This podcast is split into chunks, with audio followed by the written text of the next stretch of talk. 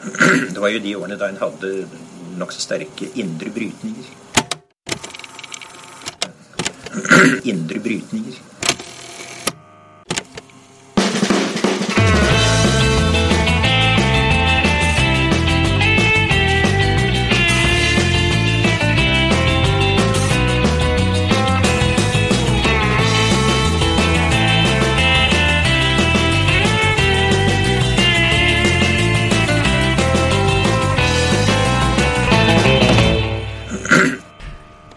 Hei, velkommen til Noen har snakket sammen. Eh, Jeg heter Halvor Finnes Rettvold, og du heter Tiril Russand Halvorsen. Og det er deg, Kaja Storvik. Velkommen. Tusen, tusen takk. Da har vi fått Roger Bjørnstad, sjeføkonom i LO i studio. Veldig hyggelig å være her. Takk for at du ville komme. Vi har snakka litt om eh, lave fødselstall i Norge nå. Kan du, hvordan påvirker det egentlig pensjonsspørsmålet? Det har egentlig litt å si, for eh, vi har jo ordna pensjonssystemet vårt sånn eh, Det heter jo da pay as you go, altså betal mens du går. Det innebærer at det er dagens yrkesaktive som må betale pensjonen til dagens pensjonister. Og da blir jo det plutselig et spørsmål om hvor stor gruppe yrkesaktive har vi i forhold til hvor mange eller hvor store pensjonsforpliktelser eh, vi har. Eh, Og det er jo nettopp et av hovedproblemene som eh, var foranledningen til pensjonsreformen, hvor de store fødselskullene i etterkrigstiden gjorde det ganske billig å innføre et pensjonssystem, folketrygden, eh, hvor man hadde mange yrkesaktive og få pensjonister. Men nå har vi da en situasjon hvor etterkrigskullet blir pensjonister. Og da er vi i en motsatt situasjon hvor vi har relativt få yrkesaktive som skal betale for ganske mange pensjonister. Og det blir kostbart for staten, og, og, og, vi har måttet legge om pensjonssystemet. Og det var vel derfor det kom en eh, pensjonsreform, da, først i 2009 i privat sektor, og som dere nå har eh, eh, fått eh, ordnings på i offentlig sektor. Um, og det er derfor du er her i dag, for å fortelle oss om hva det innebærer. Men først tenkte vi bare å spørre liksom, hvorfor har vi pensjoner i det hele tatt? Ja, det er jo sånn at vi eh, jobber og tjener penger bare en del av livet. Og det er jo også den midterste delen av livet hvor vi eh, gjør det. Den første delen av livet så må vi ta oss utdanning, og vi er barn, og derfor vi jo, eh, har vi jo Lånekassa og ulike måter å forsørge oss på tidlig i livet. Og så tjener vi penger og nedbetaler gjeld osv. Og, eh, og må legge av penger til pensjonstilværelsen. Og den sparingen vi gjør, den eh, skal jo da sikre at vi også kan opprettholde eh, velstandsnivået vårt eller kjøpekraften vår når vi blir gamle. Eh, hvis jeg da f.eks. skulle pensjonert meg når jeg ble 62 Kvinnene i min familie de lever i snitt til de blir sånn 100. Det er liksom 36, 38 år. Det, det er jo en veldig lang tid hvor du skal bruke og ikke skape. Ja, det er det, og det er jo hovedproblemet. At uh, når vi har et, uh, en pensjonsalder som måtte, ligger fast, mens vi samtidig bare lever lenger og lenger og lenger og lenger, så blir den perioden vi da skal forsørges av oppsparte midler, enten våre egne oppsparte midler eller samfunnets oppsparte midler, så blir jo den perioden veldig lang, og det, og det blir jo veldig kostbart. Og Det er grunnen til at man liksom har innført den levealdersjusteringen i pensjonsreformen. Ja. Sant? Det er så, bare sånn at jeg får det inn i nøtta mi. Det er en gjennomsnittlig forventet levealder. Når den stiger med ett år, så vil det også liksom slå inn i hvordan systemet fungerer. sånn at da blir det eh, en forventning om at man lever et, skal jobbe et år lenger for å få den samme, eh, samme summen da, gjennom de årene man er pensjonist. Ja, det er prinsippet. Ja. Uh, og det er gjennomsnittlig levealder som danner denne reguleringen. Uh, eller sagt på en annen måte, da. Hvis du allikevel ikke står lenger i jobb, eller hvis du går av på et samme tidspunkt som før, selv om resten av befolkningen har levd ett år lenger, så må du tåle tilsvarende reduksjon i pensjonen din fra folketrygden. Men det som gjør det at vi må skille mellom offentlig og privat sektor her, som eh, det ble introdusert med, det er jo at det er en det er øvrige elementer og brikker i vårt pensjonssystem. Det er ikke bare folketrygden. Eh, Vi har også eh, tjenestepensjoner gjennom arbeidsgiveren. Eh, Og der har offentlig og privat sektor to forskjellige kan du si, avtaler. Og eh, siden de avtalene gikk på at du skal opprettholde pensjonen din på et gitt nivå, så mistet da denne levealdersjusteringen effekten sin. Eh, og det er den omleggingen som vi gjorde i privat sektor først, men som offentlig sektor sa nei til i første runde, men som det nå har blitt enighet om. Eh, men det skal jo ut på uravstemning før det kan implementeres. Ja. Men, Hvorfor, eh, hvorfor eh, klarte dere å bli enige i offentlig sektor nå? Eller hvorfor ble vi ikke enige i da? Begge- ja, begge deler. Eh, ikke sant? Eh, jo, altså, det er jo, denne omleggingen innebærer at det er noen eh, vinnere og tapere. Det er det det handler om. Mm. det er AFP vi snakker om. ikke sant? Avtalefestet pensjon. Det er den eh, pensjonen vi har blitt enige om i tariffavtaler mellom arbeidsgivere og arbeidstakere. Eh, og tidligere så var det da, som jeg sa, at eh, en avtale om å opprettholde et visst nivå på pensjonen din hvis du går av eh, f.eks. ved 62 år. Eh, en tidligpensjonsordning. Eh, men levealdersjusteringen eh, gjennom folketrygden gjør at det å gå av tidlig straffer seg. Så hvis man skulle gitt avkall på denne tidligpensjonsordningen, så måtte de som går av tidlig, tålt en kraftig nedgang i pensjonen sin. Men til gjengjeld så fikk man da heller en livsvarig tillegg på pensjonen sin gjennom denne omleggingen som skjedde da først i privat sektor, men nå også i offentlig sektor.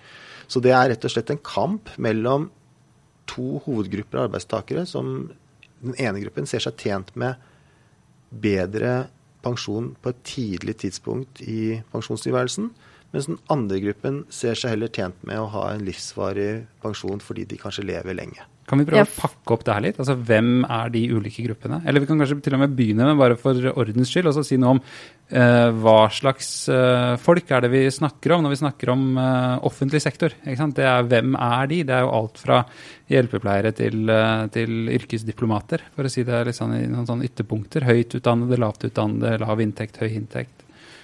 Ja, Offentlig sektor er jo en veldig, for det første, stor sektor. Det er Mm. 800 000 arbeidstakere. Og det in inkluderer både stat og kommune. Mm. Eh, kommunene er jo i all hovedsak eh, velferdsleverandører. Så der jobber det sykepleiere, hjelpepleiere, eh, lærere eh, og kommunalt ansatte, for så vidt. Eh, altså byråkrater Mm. saksbehandlere. Men i staten, der er det ganske stor andel høyt utdannede. Ikke sant? I departementer, underliggende etater, eh, utenrikstjenesten, hva det måtte være. Mm. Eh, så det er ganske stor forskjell på karakteristikkene til, til de som jobber i staten, og de som jobber i kommunene. Du snakker du, altså, det er en kamp da mellom disse gruppene som du nevnte nå. Eh, hvordan, med den avtalen man har fått nå, da, eller kommer, mest sannsynlig kommer til å få, hvordan endte den balansen eh, mellom høyt utdannede og lavt utdannede? De som vil ha en god pensjon tidlig, og de som vil ha en god pensjon sen? Nei, Det blei jo da lagt om til en eh, livsvarig tilleggsytelse istedenfor en tidligpensjonsordning. Altså Tidligere så var jo da en eh, ytelse, tidligpensjonsordning, som du fikk mellom 62 og 67 år, og så opphørte den. Eh, så de gruppene som kan du si, Vi kaller det jo sliterne i arbeidslivet. De som har kanskje gått i et langt yrkesliv i fysisk tøffe, harde jobber, som ikke orker eller har helse til å stå lenge i jobb, de eh, vil jo med dette systemet få eh, Altså omleggingen vil få en lavere pensjonsytelse tidlig i pensjonstilværelsen sin. Og hvis disse gruppene heller ikke har noe særlig lang forventet levealder, så drar de jo ikke så veldig nytte av at det er en livsvarig ytelse vi nå, nå får isteden. Men det hørtes jo ikke så veldig solidarisk og rettferdig ut. Er det sånn at liksom de fattige som har slitt hele sitt liv, de får det dårligere nå, mens de som har hatt det top notch hele livet, de skal få det enda bedre når de blir gamle? Nei, Det er en del omvendt omfordeling i pensjonssystemet vårt, eh, dessverre. Når vi tar eh, og justerer med gjennomsnittlig levealder f.eks., så er, ser vi at det er kjempestore klasseforskjeller i levealder. Og når vi da har en livsvarig tilleggsytelse, så vil jo de som lever lenge, og det er akademikere med høy, høy utdanning og, og, som har sittet på kontor og, og jobbet, så er det de som vil, vil få det, dessverre. Men vi må huske på at det vi som fagbevegelsen da gikk inn i dette med, det var jo en faktisk omlegging av folketrygden.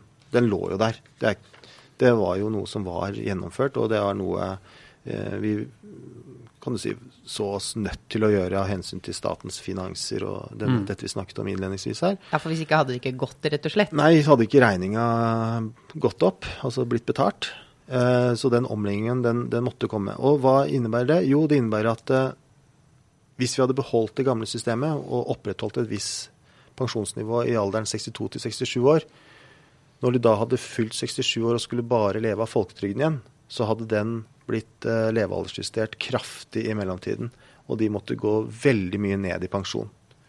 Så med, og dette blir verre for hvert år som går, for det blir, hvert år som går så kommer det en ny levealdersjustering.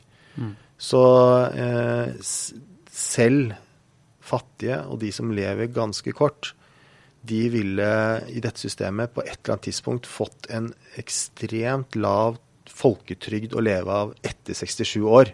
Selv om man hadde bitt seg fast og holdt fast i dette tidligpensjonssystemet. Det, jeg eh, tenker jo at um, vi lever stadig lenger, og noen snakker om at vi kommer til å leve veldig mye lenger. Uh, og at kanskje det også kommer til å få en, en klassedimensjon i seg. Altså det er noen grupper som kan regne med eh, å ha råd til en livsstil eller eh, også medisinsk behandling og andre ting som gjør at livet kan forlenges ganske mye i framtida. Uh, og her snakker vi jo faktisk om ganske sånn lange perspektiver. Vi snakker om hvordan, det er, hvordan Norge ser ut i 2040-2050 og sånn. Noen av de eksemplene som blir brukt, handler om en som blir 62 i 2055. ikke sant? Og da kan det hende at verden ser ganske annerledes ut da. At denne klassedimensjonen uh, Hvis man legger på den, da, så ser man at det blir veldig veldig stor forskjell mellom noen som lever til de kanskje er i gjennomsnitt 115-120. ikke sant? Hvor robust er egentlig systemet for å håndtere også uh, liksom en sånn framtid? Ja, Det er jo noe vi har vært veldig opptatt av. om, ikke sant, Én ting er at, at vi ser at det er veldig store klasseforskjeller i gjennomsnittlig levealder i dag. Men når vi ser på endringen i levealder, altså økningen i levealder, så eh, ser vi at eh, den er jevnt fordelt på alle grupper. Det er ikke sånn at akademikerne også har en mye sterkere økning i levealderen og dermed liksom, tjener ekstra mye på dette systemet eh, i forhold til, eh, til, til, til i dag så, så sliterne lever også lenger i Norge. Og, altså, ja, det er nok riktig å si at de som har høyest inntekter, også har muligheten for å påvirke altså, livsforlengende tiltak, og bedre tilgang på liksom, legehjelp, medisiner, eh, tekniske løsninger. Men på den annen side så er det jo en del lavthengende frukter for de mm, som lever kort, som eh, gjør at også de kan leve lenge. Altså Det handler om en del livsstilsendringer. Slutte å røyke og spise sunnere. Ikke sant? Og, det er. Mm. og de tingene de slår ganske kraftig ut på levealderen for de eh, lavere klassene. Mm. Eh, og det er nok det som har slått inn at eh, ikke sant? det er tross alt vanskeligere å leve lenger når du allerede er 100 år, enn når du er 60. Ja. Um, det finnes jo de som mener at uh, de første som lever til de er 150, er helt sikkert født i dag. Uh, sant? Og da begynner man liksom å få perspektiv på det som ser ganske annerledes ut enn det som har vært uh, grunnlaget for hvordan vi har tenkt, og også hvordan vi diskuterer. 62 til 67 år, og hvordan det forholdene skal være i liksom det femårsspennet. Det er sånn, blir litt merkelig i et perspektiv hvor vi kanskje lever da hvor man da ikke har kommet halvveis i livet engang. Nei, og det er jo det som har eh, vist seg bare i den korte perioden som har gått siden pensjonsreformen, det er at eh, økningen i levealderen i Norge har økt mye hurtigere og mer enn det vi forventet. Det er nesten blitt dobbelt så sterk. Så eh, man spekulerer litt i det som er det er det ingen grense for hvor mye lenger vi kan leve. Men, men det, hittil så ser det ikke ut som det. Den øker i samme hastighet, om ikke høyere hastighet enn enn tidligere. Jeg har hatt det, det tvilsomme privilegiet å jobbe ganske mye med pensjon i ulike jobber som jeg har hatt gjennom mange, mange år, faktisk. Men det er fortsatt veldig mye jeg ikke skjønner. Og når jeg snakker med folk om pensjon, så er det jeg vil si, det vil være en ganske god oppsummering at de aller fleste skjønner fint lite. Blir det noe lettere å skjønne pensjonssystemet nå?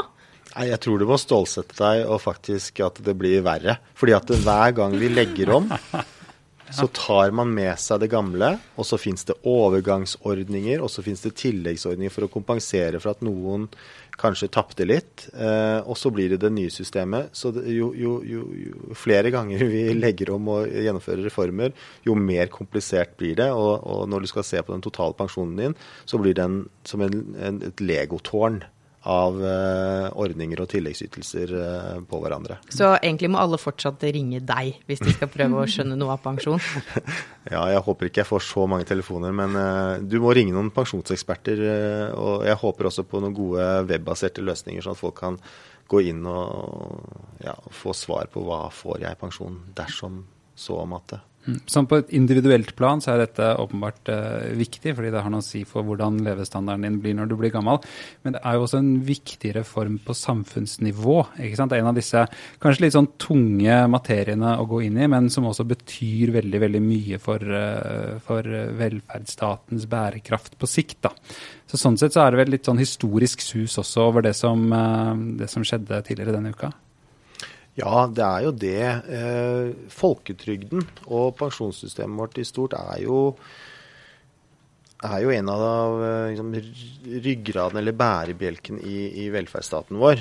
Eh, og, men, det, men det må jo også være bærekraftig. Det må kunne finansieres. Så det å rigge velferdsstaten vår til framtidige utfordringer, det blir alltid viktig. Mm. Uansett hva det gjelder. Men hva, hva blir det neste skrittet for eh, pensjonene våre? Det er f.eks. fortsatt ikke fellesordninger for privat og offentlig sektor. Har man kommet noen skritt videre? Er det lettere å bytte jobb fra eh, offentlig til privat nå, f.eks.? Eller er det det man skal jobbe med fremover? Ja, det de har blitt enige om i, i offentlig sektor nå, ha, er jo noe som kalles eh, betinget tjenestepensjon.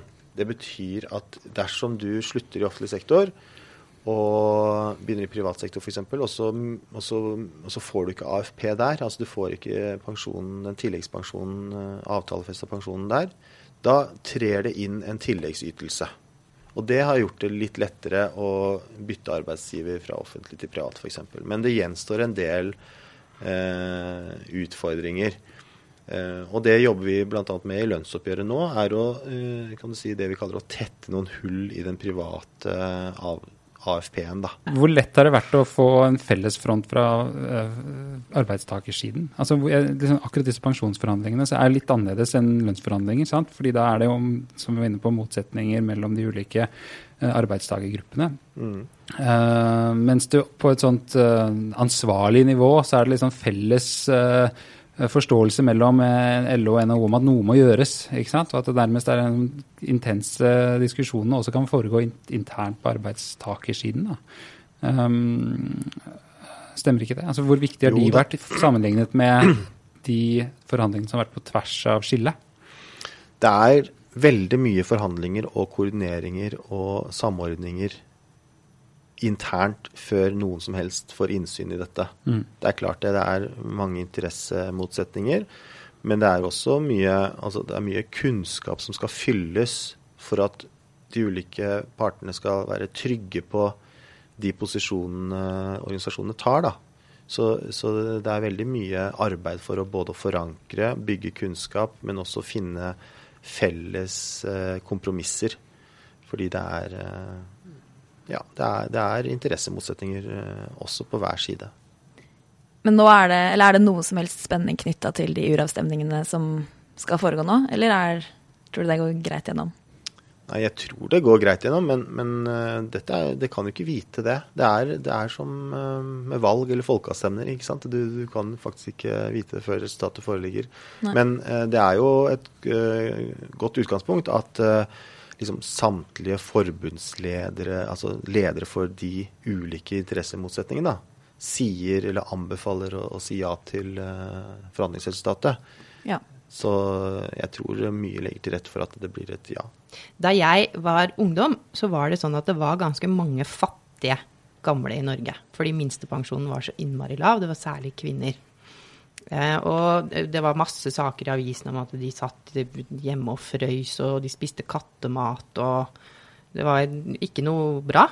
Ikke noe som folk i Norge ville ha. Og det man gjorde da, det var jo at det tålte vi ikke. Vi ville ikke ha det sånn, så da økte man pensjonen. Um, er det liksom sånn at de sliterne og sånn som vi snakker om nå, risikerer vi på en måte å få en sånn stor gruppe med fattige gamle i dette landet igjen? Ja, altså Hva som er grensen for fattige, det vet jeg ikke helt. Men et eksempel, da. Hvis du er født i 1963, sånn at du må gå av ved 62 år. Hvis du skal gå med 62 år, så skjer det i 2025. Da har den levealdersjusteringen fått lov til å virke ja, ganske mye. Også en annen viktig ting i dette regnestykket her er jo at uh, vi hadde noen uh, overgangsordninger som går ut for 1963-kullet i 2025. Og uh, hvis vi nå tar for oss hvis de har f.eks. hatt en gjennomsnittlig årsinntekt på rundt 500 000, så kan de måtte leve av en pensjon på rundt 200 000. Hvis de må gå av ved 62 og ikke klarer å stå lenger i jobb.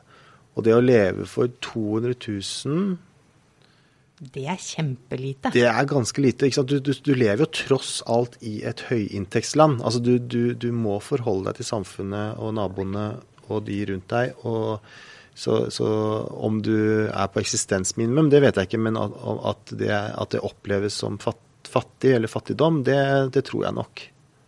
Og dette blir jo da verre for hvert eneste år som går. Mm. Jeg har en sånn uh, strøtanke, kanskje. Du får uh, skyte den ned. Men fordi det bildet du tegner her, sånn, det, ganske, det høres jo ganske alvorlig ut fordi det gjelder.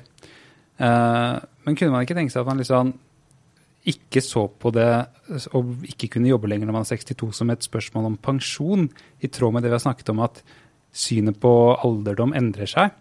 Men behandle det som et, uh, mer et, uh, et, spørsmål som andre som faller utenfor arbeidslivet pga. helse eller andre ting. Og at noe av problemstillingen her er at vi faktisk fortsatt tenker på 62 som en som liksom i pensjonsterminologi, istedenfor å tenke på det som et spørsmål om, om sykepenger eller liksom trygdeordninger på andre måter. Da. At man burde eller kanskje skyve hele den mm. greia til 70 eller noe sånt. og så forholde seg til folk som er i 60-årene som friske mennesker. Hvis de er syke, så er de syke. Og da er det det som er problemet, ikke pensjon. Det er ikke et dumt spørsmål i hele tatt, det er, og det er veldig nærliggende spørsmål. Grunnen til at det oppstår en del problemer her nå, er at vi holder en del aldersgrenser fast, samtidig som uh, vi levealdersjusterer alle inntekter. Uh, da blir det opplagt veldig lavt uh, pensjonsnivå for de som går av med den nedre aldersgrensen. Og Det er også bakgrunnen for at andre land faktisk har gjennomført pensjonsreformer hvor de hever denne nedre aldersgrensen i takt med kan du si, levealdersjusteringen eller den økte levealderen. Eh, når vi ikke gjør det, så, så oppstår det noen sånne situasjoner hvor, hvor eh, ja, hva skal være forholdet mellom uføretrygd for, Hvis du er 61 år, så kan du gå med uføretrygd isteden og få mye høyere ytelse. Eh, eller skal du Og de som er mellom 62 og 67, skal de er, det bare pensjon eh, de skal kunne gå av med? Altså, for å få uføretrygd så må man jo ha en eh, diagnose. Det er, det er, jo en, eh, en helsemessig kriterium for å få den ytelsen. Så, så, det vil oppstå en del sånne skjevheter. Så jeg tror det neste spørsmålet i en eventuell ny pensjonsreform vil være å se på disse aldersgrensene. Mm. Da er vi egentlig sånn full circle, som det heter, og tilbake til utgangspunktet, nemlig hva er pensjon egentlig? Og det handler om at man skal kunne leve trygt også når man har jobbet et langt yrkesaktivt liv og er ferdig med den delen av karrieren sin. Mm. Tusen takk skal du ha. Tusen takk. Takk.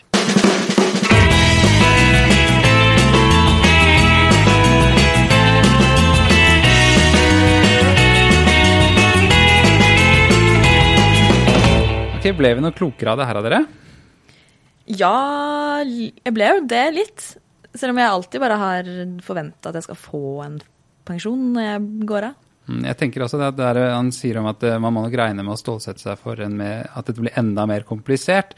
At det på et eller annet vis kanskje liksom kan true legitimiteten til et system fordi det blir så ugjennomsiktig, da.